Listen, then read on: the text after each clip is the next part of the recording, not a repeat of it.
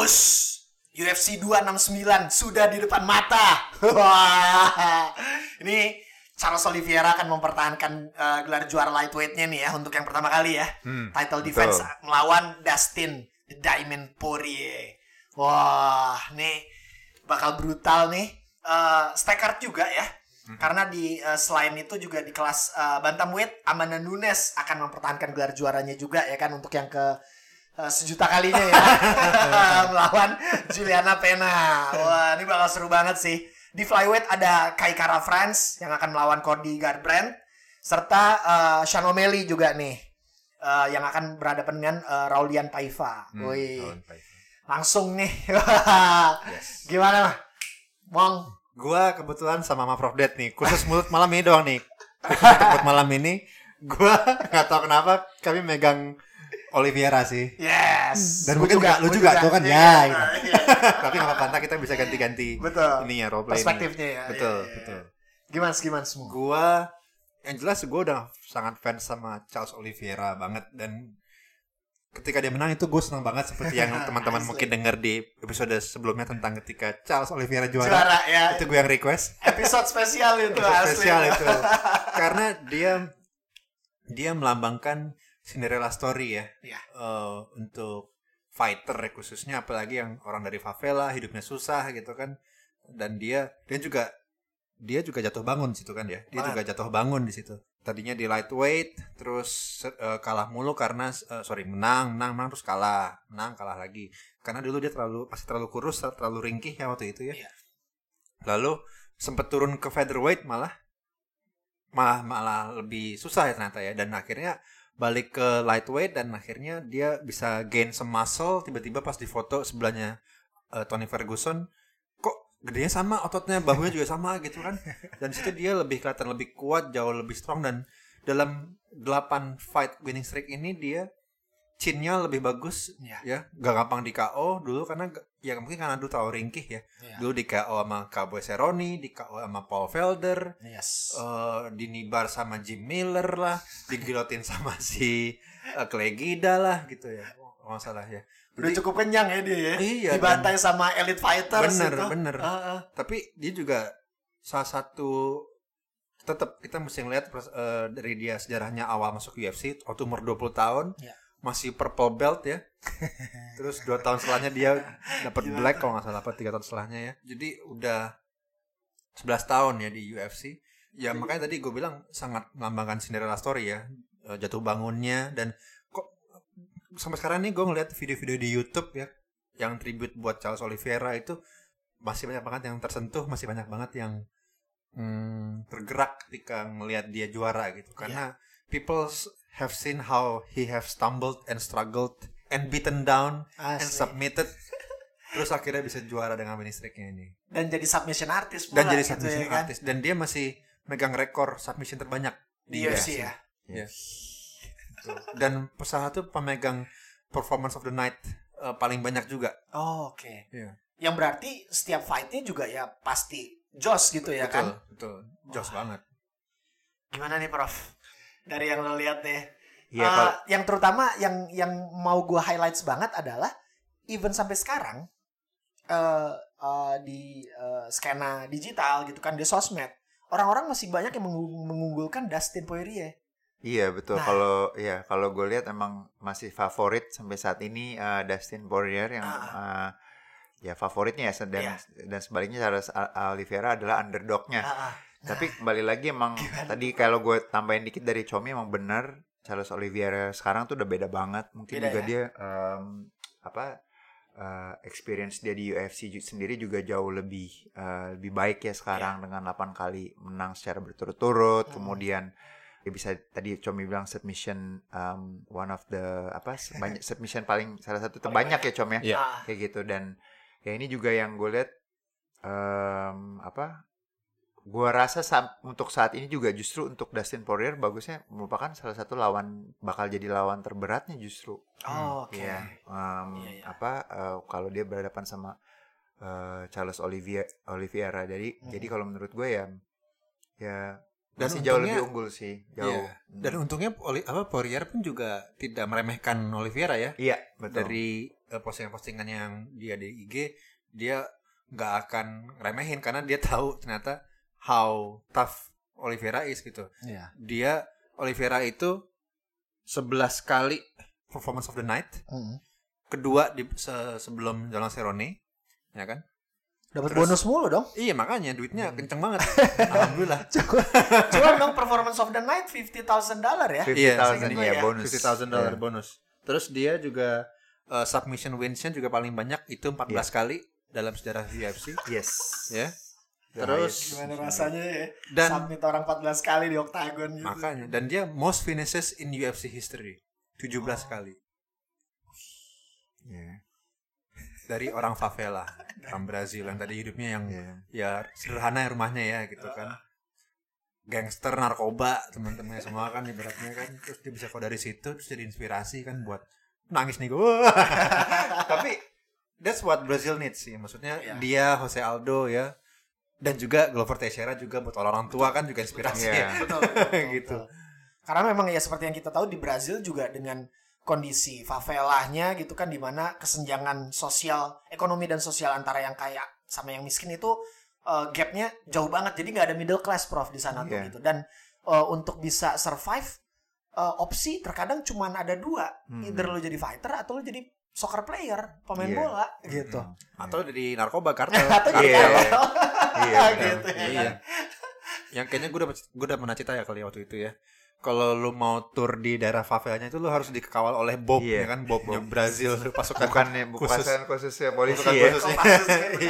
Bukan polisi-polisi biasa lagi ya kalau masuk kayak gitu. yang bawa senjata-senjata dengan armor yang Iya. lengkap. Iya. Nah, kalau dilihat dari persiapannya sendiri nih ya, eh, kayak tadi yang gue bilang kan eh, eh, kondisi Oliveira nih underdog nih statusnya, Prof. Hmm. Gitu. Biasanya kalau dari pengalamanmu sendiri gitu kan, kalau lagi coaching gitu kan, lagi training gitu kan, tim lo gitu untuk eh, championship eh, dengan kondisi mereka sebagai underdog, Hmm. itu biasanya ada strategi khusus nggak sih, Prof, yang yang lo terapin gitu? Hmm, ya Biasanya. sih sih ya, ya tentunya ya kalau di UFC sendiri kalau ya kalau misalnya untuk fight fight itu kan Ah, ini spesifik pasti persiapannya tentunya dengan ya kalau mungkin kalau case-nya Justin Poirier Ah. lawan Charles Charles Oliveira ya gue rasa sih persiapannya mungkin lebih banyak um, Grappling apa ya. grapplingnya ya kalau Oh, gue bilang oke. sih ya Iya. bakal banyak grappling dan banyak ya lebih lebih banyak mengandalkan submissionnya lah nanti lah kalau gue Iya. bilang Ketimbang eh, Ketim- adu jotosnya aja- ya? Betul. Oh, oke. Iya. karena si Charles Oliveira ini kan sebenarnya nggak terkenal sebagai KO artis Iya. ya kan dia lebih ke submission artis tapi dua tahun tiga tahun ini dari dari Iya. 2019 dia mulai banyak sering KO khususnya salah satunya salah satunya ya Michael Chandler kemarin Iya. dan 2019 dia nge KO dua orang apa dia mulai obtaining knockout power lah. Knockout powernya mulai ada ya. Iya dan bisa-bisa dan jangan lupa bahkan Justin Gaethje pun nggak bisa nge-finish Michael Chandler dan Iya. si Iya. Charles Oliveira ternyata bisa nge-finish. Michael Chandler gitu ya. Iya, iya.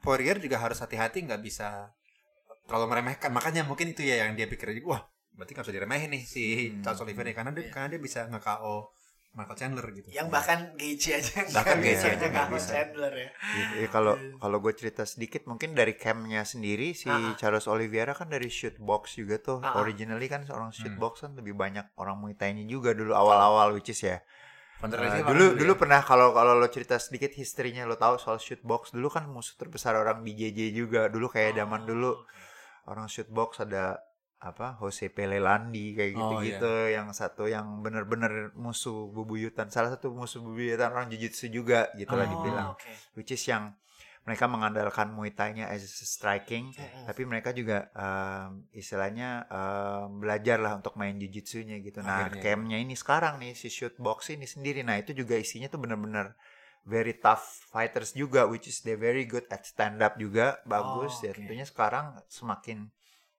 eh, apa uh, Di shoot drill. box dari zaman dulu sampai sekarang udah pasti Ada permainan ya. groundnya juga progresnya juga Betul. jauh lebih baik lagi pasti gue bilang kayak gitu ya dan ternyata kita lihat si pelatihnya Charles Oliveira nggak terlalu kesorot ya Iya. pelatihnya ya yang Iya. kita taunya dia nih submission grappler yang luar biasa Iya.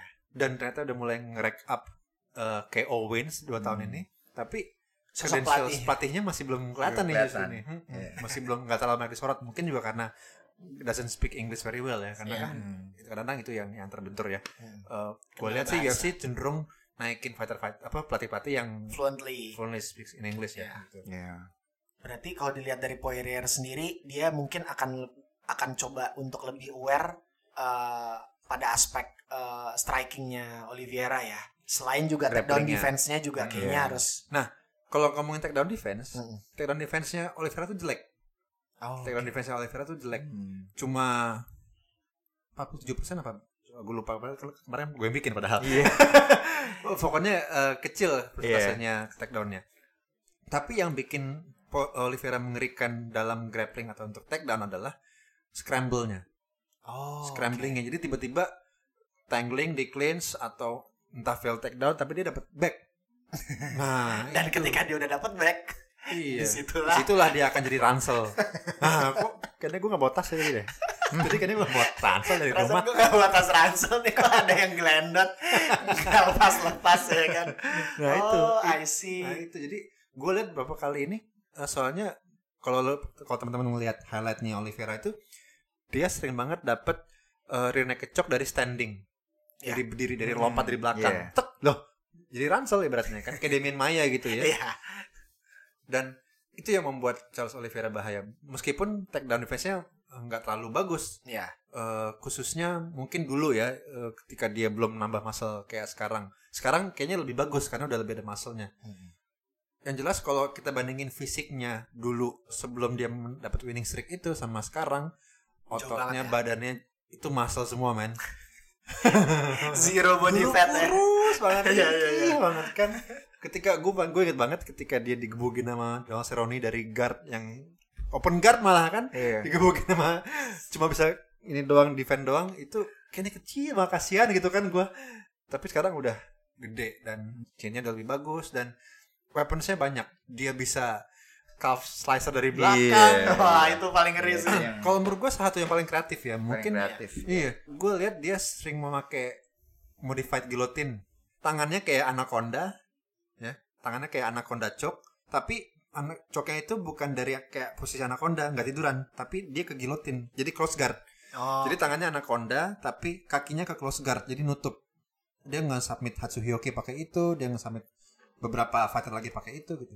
Jadi kreatif. Modified ya. Modified. Iya, iya, iya. dan sangat kreatif. Sli- calf slicer knee bar terus em, triangle dari triangle ke armbar juga. Pokoknya sangat Soalnya- wizard ya. Heeh. Soalnya tadi juga eh, buat buat Octagoners mungkin ini gue sekedar share. Tadi sebelum rekaman gue juga gue sempet bilang sama sama Comi sama Prof Dad bahwa untuk ngelawan Dustin sih udah pakai taktiknya Khabib aja deh gitu ya kan udah take down ya kan terus udah stays there aja gitu ya kan maintain position gitu. Eh, bikin Dustinnya apa gas out gitu ya kan Iya. biar bisa eh, draining energinya juga gitu. Jangan jangan diajak baku hantam gitu. Tapi ya lagi-lagi power eh, takedownnya dan skill takedownnya kan juga beda ya kita Beda, ngeliat betul, gitu Betul. nggak bisa disamain juga gitu kan sama eh, Khabib gitu kan bisa Iya. yang ya kita semua udah tahu ya gitu Ya, udah. amunisinya Khabib kayak apa but when he did it gitu ya tetap nggak ada yang bisa Iya. berhentiin juga gitu kan tapi eh, skill takedownnya apakah eh, harus ditingkatin juga atau gimana nih Prof maksudnya untuk bisa dapat advantage over Dustin yang notabene brawler Hmm. ini kira-kira sebaiknya game plan-nya Oliveira harus kayak gimana nih Prof Ya, yang pasti ya. sih awal-awal sih bakal ada main ini ya, Iya. maksudnya range, Stand up adalah dulu ya. stand up dulu di ini ya. Oh, Terus kalau ya gamenya tukar sih, dulu ya iya, Iya, kalau oke. aku bilang sih gamenya si da- apa si Charles Oliveira sih pasti clinch Oh, dan oke. mau main takedown ya kayak Hmm. gitu dan ya pasti goalnya seperti itu. Cuman ya kembali lagi juga gue rasa Justin juga Dustin juga pasti persiapan Iya. itu juga nih gonna be a good fight juga. Apalagi dia pernah ma- pernah melawan orang sekali berkabib gitu yang ma- pasti di- yang ini yang bakal menarik banget sih gue rasa gas tanknya gimana? Experience-nya ya. Gas tank experience apakah gas nanti tanknya gimana nih? Teman-teman kalau ngelihat gas tank dari kedua fighter ini. Oh, gas karena tank. it's gonna be five rounds ya kan? Iya. iya Charles Oliveira gestangnya bagus. Dia kemarin sama Tony Ferguson oke ya dan Oh iya dia main Ya kan, round ya rounds waktu five Iya, rounds. main Iya, main card soalnya five ya, rounds, iya. iya. terus kalau Dustin Poirier mah nggak usah di- nggak usah diraguin lagi lah Iya. castengnya lah Iya. tapi yang mau gue highlight sekarang soal Dustin adalah dia makin pinter sekarang nggak hanya brawler pure brawler ya tapi semenjak dia ngelawan Conor pinter kan Yang kedua ya. Pokok- Yang ketiga. Event yang pertama, event yang kedua, sorry, event Oh. yang kedua, event yang kedua, sorry, Uh, fight yang kedua, ronde pertama dia masih agak kelimpungan dikit, lalu tiba-tiba dia berubah game plan, banyakin low kicks, banyakin leg kicks kan, Calf calf kick calf ya. kicks ya, Iya. jadinya legnya si Conor dicok terus tuh kan, abis itu abis dari situ, terus dan kita lihat defense-nya dia makin bagus Mm-mm. lawan Conor, dia bisa bikin injurinya Conor kebuka lagi, ibaratnya yang ternyata malah patah kan, dengan blocking blockingnya yang Iya. emang em, bahkan Max Holloway sendiri bilang blockingnya Poirier tuh aneh gitu dengan elbownya dengan Philly roll-nya atau itunya Eh, jadi semakin IQ-nya makin pintar mungkin itu yang pengalaman dia dapat ketika dia fight sama si Khabib karena Khabib pinter Iya. Iya. siapa yang bilang eh, kayaknya ada yang bilang ya gue kemarin baca baca entah Dan Hooker apa siapa ya Dan Hooker bilang atau salah satu teammate-nya Islam Islam lebih kuat daripada Khabib in terms of strength Oh, oke. in Iya. terms of strength Islam lebih kuat tapi fight IQ ingat dulu Islam pernah di KO sama si Betul. hmm, Iya dia pernah di KO sekali ya. dia pernah di KO sekali sama gue lupa sama siapa ya itulah Hmm. ada orang dari Pur- Purworejo Nanti tinggal diedit. Iya, Islam masih pernah sempat di KO sekali. Ah. Heeh. Karena dia itu terburu-buru, nggak sabaran. Tapi itu awal-awal fightnya dia emang masih mungkin baru the third or the second fight dia di UFC ya. Tapi setelah itu dia mungkin lebih bersabar juga sama kayak Khabib dan bagus gameplaynya. Intinya nggak cuma fight strength sama finesse doang, tapi fight IQ. Akan memegang peranan Akan ya memegang peranan. kali ini ya. Tapi Khabib juga sempat mau kena giletin ya. Oh iya, Dustin Poirier Dustin ya. Oh, Itu Dustin. the tight itu. Gila, ada Ada tight banget. Iya, iya. Terus kalau yang gue suka si Charles Oliveira ini adalah kalau kita lihat fightnya dia sama Michael Chandler yang awal-awal ronde pertama dia pasti emang game plan-nya mungkin mau ngeladenin striking dulu Oke. tapi when he's given the back he will try to take it Hmm. Oke. yang akhirnya dibanting sama si Michael Chandler. Michael Chandler kan Sebagai lompat desperate kan. attempt, ya. iya kan dia, dia udah jadi dia udah dapat back take berdiri si Chandlernya terus dia lompat nge slam menimban si Michael Chandler dan Eh, ternyata Niban Oliveira. oh sorry niban si Oliveira Ah, ah. tapi ternyata nggak apa-apa untungnya Nah, kalau dilihat dari eh, aspek-aspek yang ada nih, kira-kira bakal gimana nih hasil pertandingannya nih? Nih, Ini yang agak- paling ditunggu-tunggu nih karena kudu presisi nih, Ya, nggak kudu presisi sih. Kadang kita juga sesekali juga meleset ya prediksinya. Iya, gitu. iya. Tapi gimana, Prof? Kalau yang lo lihat nih, what's gonna be nih? What is gonna be nih? Ah, ah. Eh, kalau gue rasa menang eh, Charles Oliveira submission ronde ketiga. Wah, kayak semangat bener ya. Sampai tepuk tangan. Iya, iya, iya, iya. Waduh. Submissionnya ada ada ada ada tebakan nggak, Prof? Hmm, Kira-kira submissionnya guillotine. bakal Gilotin, yes. Guillotine. Gilotinnya Wah. Charles Oliveira emang bahaya sih. Iya.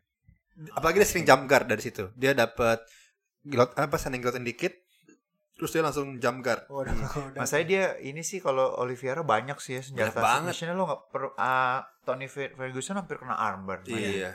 Dia The bisa green. calf tadi, calf Uh, ah, slicer dari slicer. back lagi kan. Jadi gua, kalau gue bilang submission ya itu submission karena emang saking banyaknya ya dia Amunisinya bisa main. ya. Kalau kayak Khabib kan jelas arrange ya. apa Sama choke. the triangle. Itu kalau Ya. baik gue bilang saya, tapi kalau disuruh pilih gue pilihnya guillotine choke sih. Gilotin ya. Iya.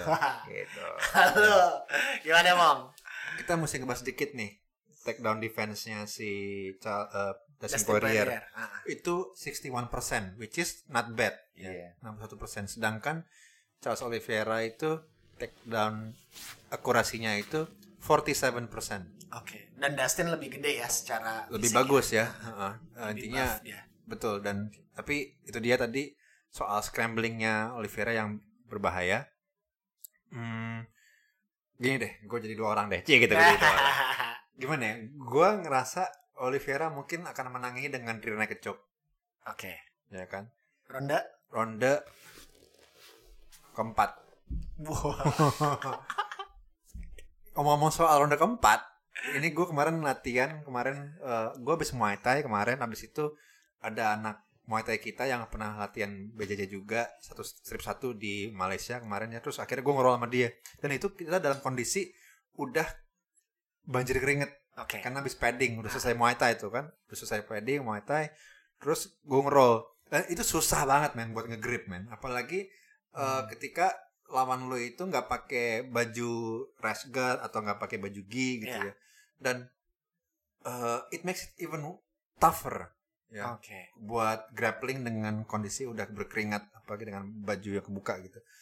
Nah, in that sense itu berarti Charles Oliveira is the real deal, man.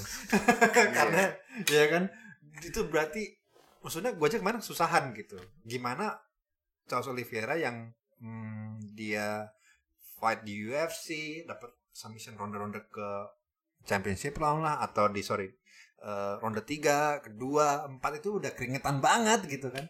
Kalau gue rasa misalkan let's say Dustin Poirier dengan power yang sebagus itu ya, Mm-mm. dengan def- kita kita harus ingat defense defense-nya Dustin Poirier bagus banget, Mm-mm. blockingnya kita mukul malah kita yang sakit men Iya. soalnya. Kita mukul dia ngeblok pakainya pakai sikut. ya kita yang sakit. Entah itu dia ngeblok kaki kita, ngeblok pukulan. Dustin Poirier itu still has one of the best chins. Ya. Kalau menurut gua the best boxer ya, Prof sekarang ya. Iya. The best boxer menurut lu siapa sekarang? The best boxer Di MMA, di MMA, di UFC deh, di UFC. Hmm, gue suka kalau UFC mungkin eh The best boxer. ya Max Holloway. Tapi inget dia ngabisin Max Holloway. Ah iya betul betul. Oh ya Dustin. Yeah, Dustin Dustin I think is the best boxer. Iya. yeah. Iya, kan? It is. Max Holloway Iya, ya, pernah- I'm the pernah best kalah. boxer. Cuma Iya. Dustin habis habis itu kan nge-tweet, I beat Twice. guy. Bener bener. Iya, Iya. bener. Twice lagi. Bener. Dan itu bahkan Max ngakuin Hmm. blockingnya dia weird kan dan ternyata dia bisa babak belurin Max Holloway men gitu. Iya. Benar. Gitu. Benar. The best boxer kayaknya. Iya. Berarti kalau. Dustin menang ya probably dengan, Dengan striking. dengan Striking, striking, ya. ya. Gue setuju. Iya. Di ronde 2 atau 3 kali ya. Hmm, on the dua mungkin. Iya. Mungkin ya. Itu tadi uh, prediksi main event kita ya. Nah, Iya. uh, kalau Octagoners uh, punya prediksi lain, wah, boleh langsung di-share tuh. Ya, nanti- DM DM ke kita ke Instagram @indoctagonmma. Nggak, nggak, gitu Babang. Nanti Avo akan ngeposting IG story. Nah, itu ada ada pilihannya dua dua pilihan tuh. Siapa yang lu pegang? Ntar kita polling. Ntar kita tugasin polling. gue ya sebagai megang langsung. admin sosmed. Iya iya iya. iya. Sabi sabi sabi sabi. Karena ini pasti banyak yang punya jagoan masing-masing. Betul Iya. betul. Dan kayak tadi Prof Deddy bilang tetap favoritnya sekarang tetap si Dustin, man. Yes. Mm-mm. Karena physically he is way more impressive ya. Dan baru dua kali menang juga kan sama Connor Iya. juga gitu. Jadi Iya. secara uh, presence di sosial media masih masih high Betul. lah Masih gitu. hype-nya ya Ah, masih ah, gitu tinggi ya. Betul. Sementara ya Charles Oliveira uh, istilahnya kalau yang newbie-newbie mungkin belum sempat ngikutin perjalanan dia Hmm. banget gitu ya kan gitu. Nah, Tapi ini juga kita kita juga harus bahas nih karena Hmm. Charles Oliveira belum pernah ngelawan eh, Justin Gaethje. Iya.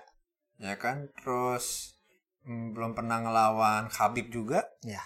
Ya kan? Iya. Jadi top 5-nya juga belum ya, belum belum sempat ada, jalur- yang dijajaki tuh. simak simak yang keberapa nih? Iya. Bukannya gue nggak gua nggak merendah, bukannya gue merendahkan Charles Oliveira, cuma his Path-nya memang path-nya beda memang aja. Beda, gitu. Pathnya memang beda sih gitu. Benar. benar. Dan kebetulan dia menang terus gitu. Betul. Ya kan? Tapi tetap he's still my hero sih bagaimanapun. Dan dia udah survive lawan uh, Tony Ferguson ya kan Hmm. di mana Malah dominating malah. dominating, gitu kan Isi- setelah Gaethje kan Gaethje yang yang yang matahin rekornya Tony kan setelah Betul. 12 kali winning streak Iya. gitu kan Iya. and then dari situ terus downfall ya kan uh, setelah kalah dari uh, Oliveira dan uh, Benil Darius gitu kan Hmm. tapi ya balik lagi sih gitu lo udah survive lawan uh, beberapa uh, elite names gitu sih udah oke lah Iya, gitu betul. tapi memang ini sih bener kayak yang tadi Prof Dad bilang ini bisa jadi salah satu ujiannya dia paling berat Betul. kalau dia bisa survive lawan Justin, uh, lawan Dustin Poirier, ya Iya. mungkin nanti kalau ketemu Gaethje, ketemu Islam atau ketemu yang lainnya, Iya. ya udah Iya. udah Mungkin- udah beda mungkin levelnya gitu ya. Dan mungkin berubah jadinya betting odds-nya udah berubah. Jadinya orang-orang malah condong ke Charles Oliveira. Charles Kalau dia bisa ngalahin Dustin. Iya. Karena eh ibaratnya ada, ada monster nih, ada monster southpaw mengerikan dari Louisiana, ya kan? yang mesti dilewatin dulu. Betul betul. betul. Setelah itu gue yakin juga kalau misalkan Charles Oliveira bisa ngalahin eh Dustin Poirier, Justin Gaethje pasti mikir tuh. Iya. Justin Gaethje mikir, Justin Gaethje mikir, Islam juga mungkin meskipun dengan mental dia yang sangat baja tapi dia juga jadi agak-agak mikir tuh ya. Mikir. Iya. Karena dia akan kepikirannya lebih ke ya gue tidak akan bisa sekedar mengandalkan strength gue atau skill grappling gue nih karena Mm-mm. ini submission artis satu mau submission wins dua Chandler kemarin di KO-nya nggak pakai submission gitu ya Iya. kan pakai pakai hook gitu kan short hook Betul. to be exact gitu jadi oke Dan kita harus bahas juga si Charles Oliveira sendiri sebenarnya nggak em, apa ya nggak invincible dari nggak kebal dari submission. Iya. Dia sempat berapa kali di submit juga juga ya. Betul. Entah sama Clay Guida, entah sama Jim Miller. Jadi ya khususnya waktu sebelum dia winning streak ya, kenapa Iya. ketika fisik dia belum sekuat sekarang ya. Tapi sekarang ya hopefully is a different level. dan mudah-mudahan masih lapar ya Benar, benar. karena di mana-mana mempertahankan gelar juara lebih susah. Lebih susah. Betul. Betul. Kalau si Dustin juga mungkin udah nggak nating udah nating tulus kali ya. Nggak deng, nggak nggak juga deng. Dia pengen dapat gelar undisputed ya. dia pasti Undisputed, pengen punya iya. gelar. itu. pengen dia undisputednya. karena in, eh, reign ini atau atau dinasti yang sekarang ini masih Kebayang-bayang Khabib. ah, gitu masih berada di bawah Hmm. bayang-bayang kami gue lihat sih emang Dustin sih kalau apa latihan fisik sih juga gila sih fisiknya Hmm, karena dia latihan sama itu tuh satu strength and conditioning eh ya strength and conditioning coachnya juga lumayan terkenal tuh yang Phil Daru itu lo pernah? Oh. cek deh Phil Daru namanya Heeh. He's very famous Oh, juga dan he used to be a MMA fighter dia sekarang lagi naik naik banget karena dia Oh. coaching a lot of fighters juga dan Oke. he's been doing pretty good juga gitu Nah, sabar nih. Iya. Pokoknya buat Octagoners ya ditunggu nanti vote kalian gue akan posting segera di Instagram ya kan. Nah, Nah, eh untuk fight selanjutnya nih di perebutan gelar eh, bantamweight eh, antara The Lioness ya kan Amanda Nunes melawan Juliana Pena. Kalau dari gue sendiri sih eh, notes-nya mungkin nggak akan banyak karena balik lagi sampai sekarang menurut gue kalaupun ada yang bisa meng-KO atau mensubmit atau mengalahkan Amanda Nunes gitu kan eh, dengan point or anything it has to be come from the next generation bukan dari yang angkatan yang sekarang gitu karena Agree. kalau dari yang angkatan sekarang sih kayaknya udah hmm. udah ada bersih aja sih guys sudah Ah, saya nggak ada iya. lawan Iya, karena Juliana Pena sendiri bilang dia nothing tulus banget. Hmm. And Amanda Nunes has everything to lose. Heeh. Eh, secara statistik jauh sih emang. Dan kayaknya emang betting odds-nya adalah Amanda Nunes itu favoritnya minus 900. Sedangkan Juliana Pena itu underdognya plus 600. Jauh banget. jauh banget Iya. kayaknya jauh banget ya. Iya, tapi kalau ternyata ada yang megang Juliana Pena terus dia ternyata bisa menang upset entah itu decision lah itu duitnya kenceng itu dapat duit. asli. kok jadi ngomong taruhan ya kita? cuan gede-gedean Jadi ngomongin taruhan ya? nggak ini lebih ke menyoroti skena di luar sana Ya, bahwa benar, ya uh, such thing does exist gitu ya Iya. kan dan uh, gue sih sangat menantikan ada sur- surprise factor ya seperti Hmm. waktu uh, Zhang Weili dikalahkan sama Rose Namajunas ya Hmm. itu ya surprising factor tuh kalau gue ngelihatnya ya kan Kalau surprising itu berarti Rosama Junas dibanting sama si Oh Andrade Jessica itu. Itu, Itu juga surprising surprising juga tuh dan upset of the year gitu. Iya. Tapi untuk ya pertarungan kali ini ya tetap akan mudah-mudahan tetap akan menarik ya gitu. Maksudnya kita Hmm. juga melihat bahwa Amanda Nunes bukan tipe fighter yang uh, give a, a boring Fight. she barely Iya. Iya. giving a boring Dia pasti akan finish gitu. sih. iya setuju Ronde berapa? Ronde berapa, Prof? Kalau dilihat dari ronde dua lah ya ronde dua ya. Oke. Kalau mau striking gue bilang striking ya, main striking ya. baik KO or TKO ya KO or TKO ya. Heeh. Ground and pound Hmm, Atau di atas? di atas gue bilang di atas ya. Nah, ngeri tuh soalnya dia kan masalahnya Amanda Nunes ini pernah juara dua kelas kan. and dia pernah kawin cyborg. Iya. Itu gila banget sih. Itu sih. Bener. Itu dia. Kalau gue baik nggak banyak catatan, cuman maksud gue em, ya dia udah susah lah. Maksudnya belum untuk benar kata lo tadi, Vo dia nggak untuk generasi sekarang Iya. yang dia ada nih belum, belum Kayaknya ada. agak susah nih. susah. Iya. Hmm. Bisa jadi dia akan retire eh Nggak ada lawan. nggak ada lawan mungkin. lagi. Iya. Iya. Mungkin butuh berapa tahun lagi ketika kayak Anderson Silva dulu akhirnya ketemu Chris Weidman Iya. yang betul. ketika Silva udah bosan sebenarnya udah jadi juara berapa berapa tahun kan waktu itu ya. Hmm, iya. Tapi kalau kita ngomongin peluangnya si Juliana Pena nih, si kita lihat si Juliana Pena ini takedown akurasinya adalah 54%, Oh, oke. 64%, which is not bad, apalagi buat female MMA fighter karena emang dia uh, game plan adalah clinch selalu Clinch. jatuhin takedown. Ya. Oh, Dia sering pakai Sotogake sama Ochigari dan tapi masalahnya ini adalah Amanda Nunes yang Iya. punya takedown defense 85%. Edan. Edan man. Dia udah survive lawan Holly Holmes, dia udah survive lawan Ronda Rousey. Dan dia membantai malah. Cyborg. Heeh.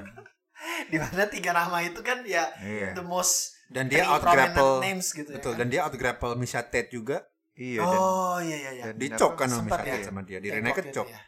Dia pernah ngalahin Valentina Shevchenko dua kali Hmm. dan Valentina Shevchenko pernah submit Juliana Pena, you know. iya benar Oh. That's, I oke. think groundnya juga siapa Amanda Nunes susah. Mengerikan. Itu mengerikan. Iya. Dia submit yang terakhir siapa cewek yang tinggi tuh, yang udah retired juga. Megan Anderson. Megan, Megan Anderson. Megan Megan Anderson. Iya Man, like wah. betul di ini kan di reverse arm triangle, Reverse triangle sorry Reverse reverse triangle armbar Yes. reverse Habis itu armbar. si Iya, itunya, dia. Megan Anderson. jadi tapi still anything can happen di MMA Yes, kan Iya. betul. Amanda Nunes nggak bisa ngeremehin Amanda Nunes nggak bisa ngeremehin harus maintain distance use her superior striking hati-hati sama scramble scramble nah itu yang hati-hati harus scramble nih kan karena lo striking scramble tiba-tiba ada fail takedown terus dapat back nah itu loh itu Iya. faktor-faktor yang hmm, Dalam beberapa partai tuh kayaknya scramble jadi kunci banget ya, sepertinya ya. Benar. Scramble adalah kunci gitu. Iya. enak juga kan scramble egg kan saya Tapi nih mungkin buat octagoners yang belum ngerti nih mong scramble mong. What what what what is scramble? Jadi Maybe scramble itu terjadi kalau misalkan atau maksudnya adalah kondisi di mana ketika uh, fighter yang mungkin terlalu dekat terus mereka akhirnya kayak dogfight ya. Iya. Kayak dogfight, kayak dogfight terus tiba-tiba dapat backnya atau dapat sweep kayak gitu-gitu loh.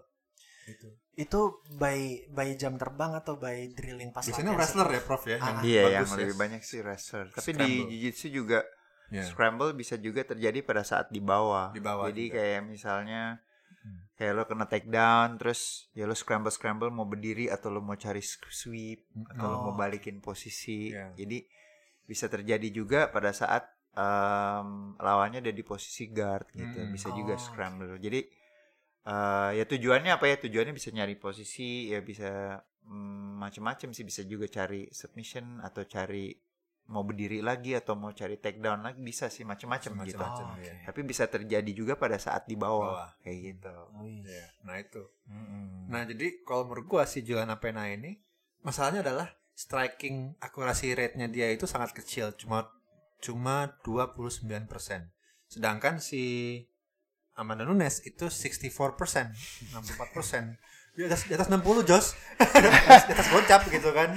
akurasinya ya. Akurasi strikingnya, men. yang berarti setiap strike yang dia keluarkan ya berpotensi either itu menghajar pelipis lo Iya. atau jabnya kena hidung Iya. ya kan atau rahang kita ya Iya. kan di Itu klip bahkan lebih bagus daripada most UFC male fighters-nya.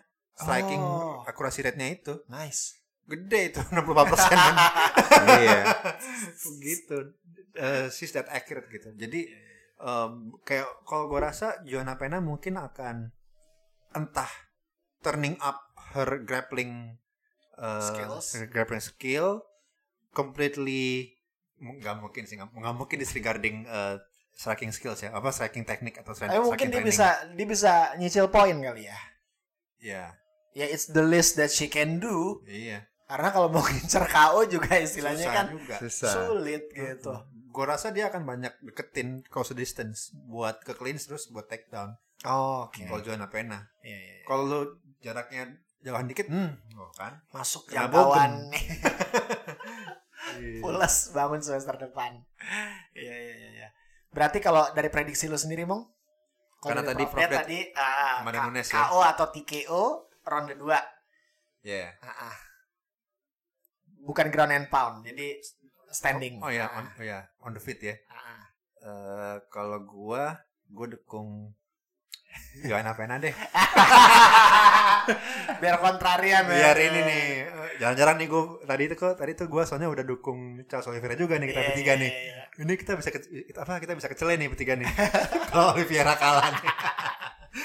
Tapi ya apa juga lah, anything can happen. Nah, gua dukung Joanna Pena, gua prediksi dia akan menang decision Oke.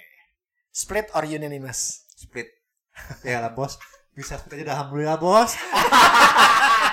bisa split aja alhamdulillah, bisa menang juga dah alhamdulillah. Ya Allah. Iya, iya, iya. Aduh. Oke. Nah, minimal buat Octagonal sudah udah dapat gambaran lah ya kira-kira bakal Iya. seperti apa match kali ini. Pokoknya eh, nantikan aja ya. Nantikan aja UFC 269 12 eh, Desember 2021. Eh, ini merupakan salah satu fight event eh, terakhir ya di tahun ini ya. Betul. Oh, enggak. 2021. Masih ada lagi. Oh, masih ada lagi ya? Habis itu masih ada satu lagi ternyata, Cok. Oh. Eh, Chris Das Dakes lawan Oh, Chris si ini. Apa? The Beast. Apa what's the name? The Beast. oh, Derek Lewis. Derek Lewis. Derek Lewis. Iya. Yes, tanggal 19 Desember, a Oh. week after masih Wih. ada. Oh, wow. Oke, oke. Iya. Siapa lawan siapa? Eh, Chris Chris. Dakes Iya. Oh. lawan Derek Lewis. Oh, Dia kakaknya Carl Dacus. Yes. Oke. Iya iya iya. Nah, buat partai-partai yang lain ini juga nggak kalah seru ya gitu. Jadi Octagoners juga bisa eh, ngelihat nih, terutama yang jagoin kayaknya fansnya Cody banyak nih ya. Fansnya Cody Cody Garbrandt Cody ya nih ya. Hmm. Ya, tapi sekali lagi dia akan menghadapi Kai Kara France gitu kan. Wah, ini Hmm. bakal seru ya. Terus eh Sean O'Malley juga kita akan kembali melihat aksinya.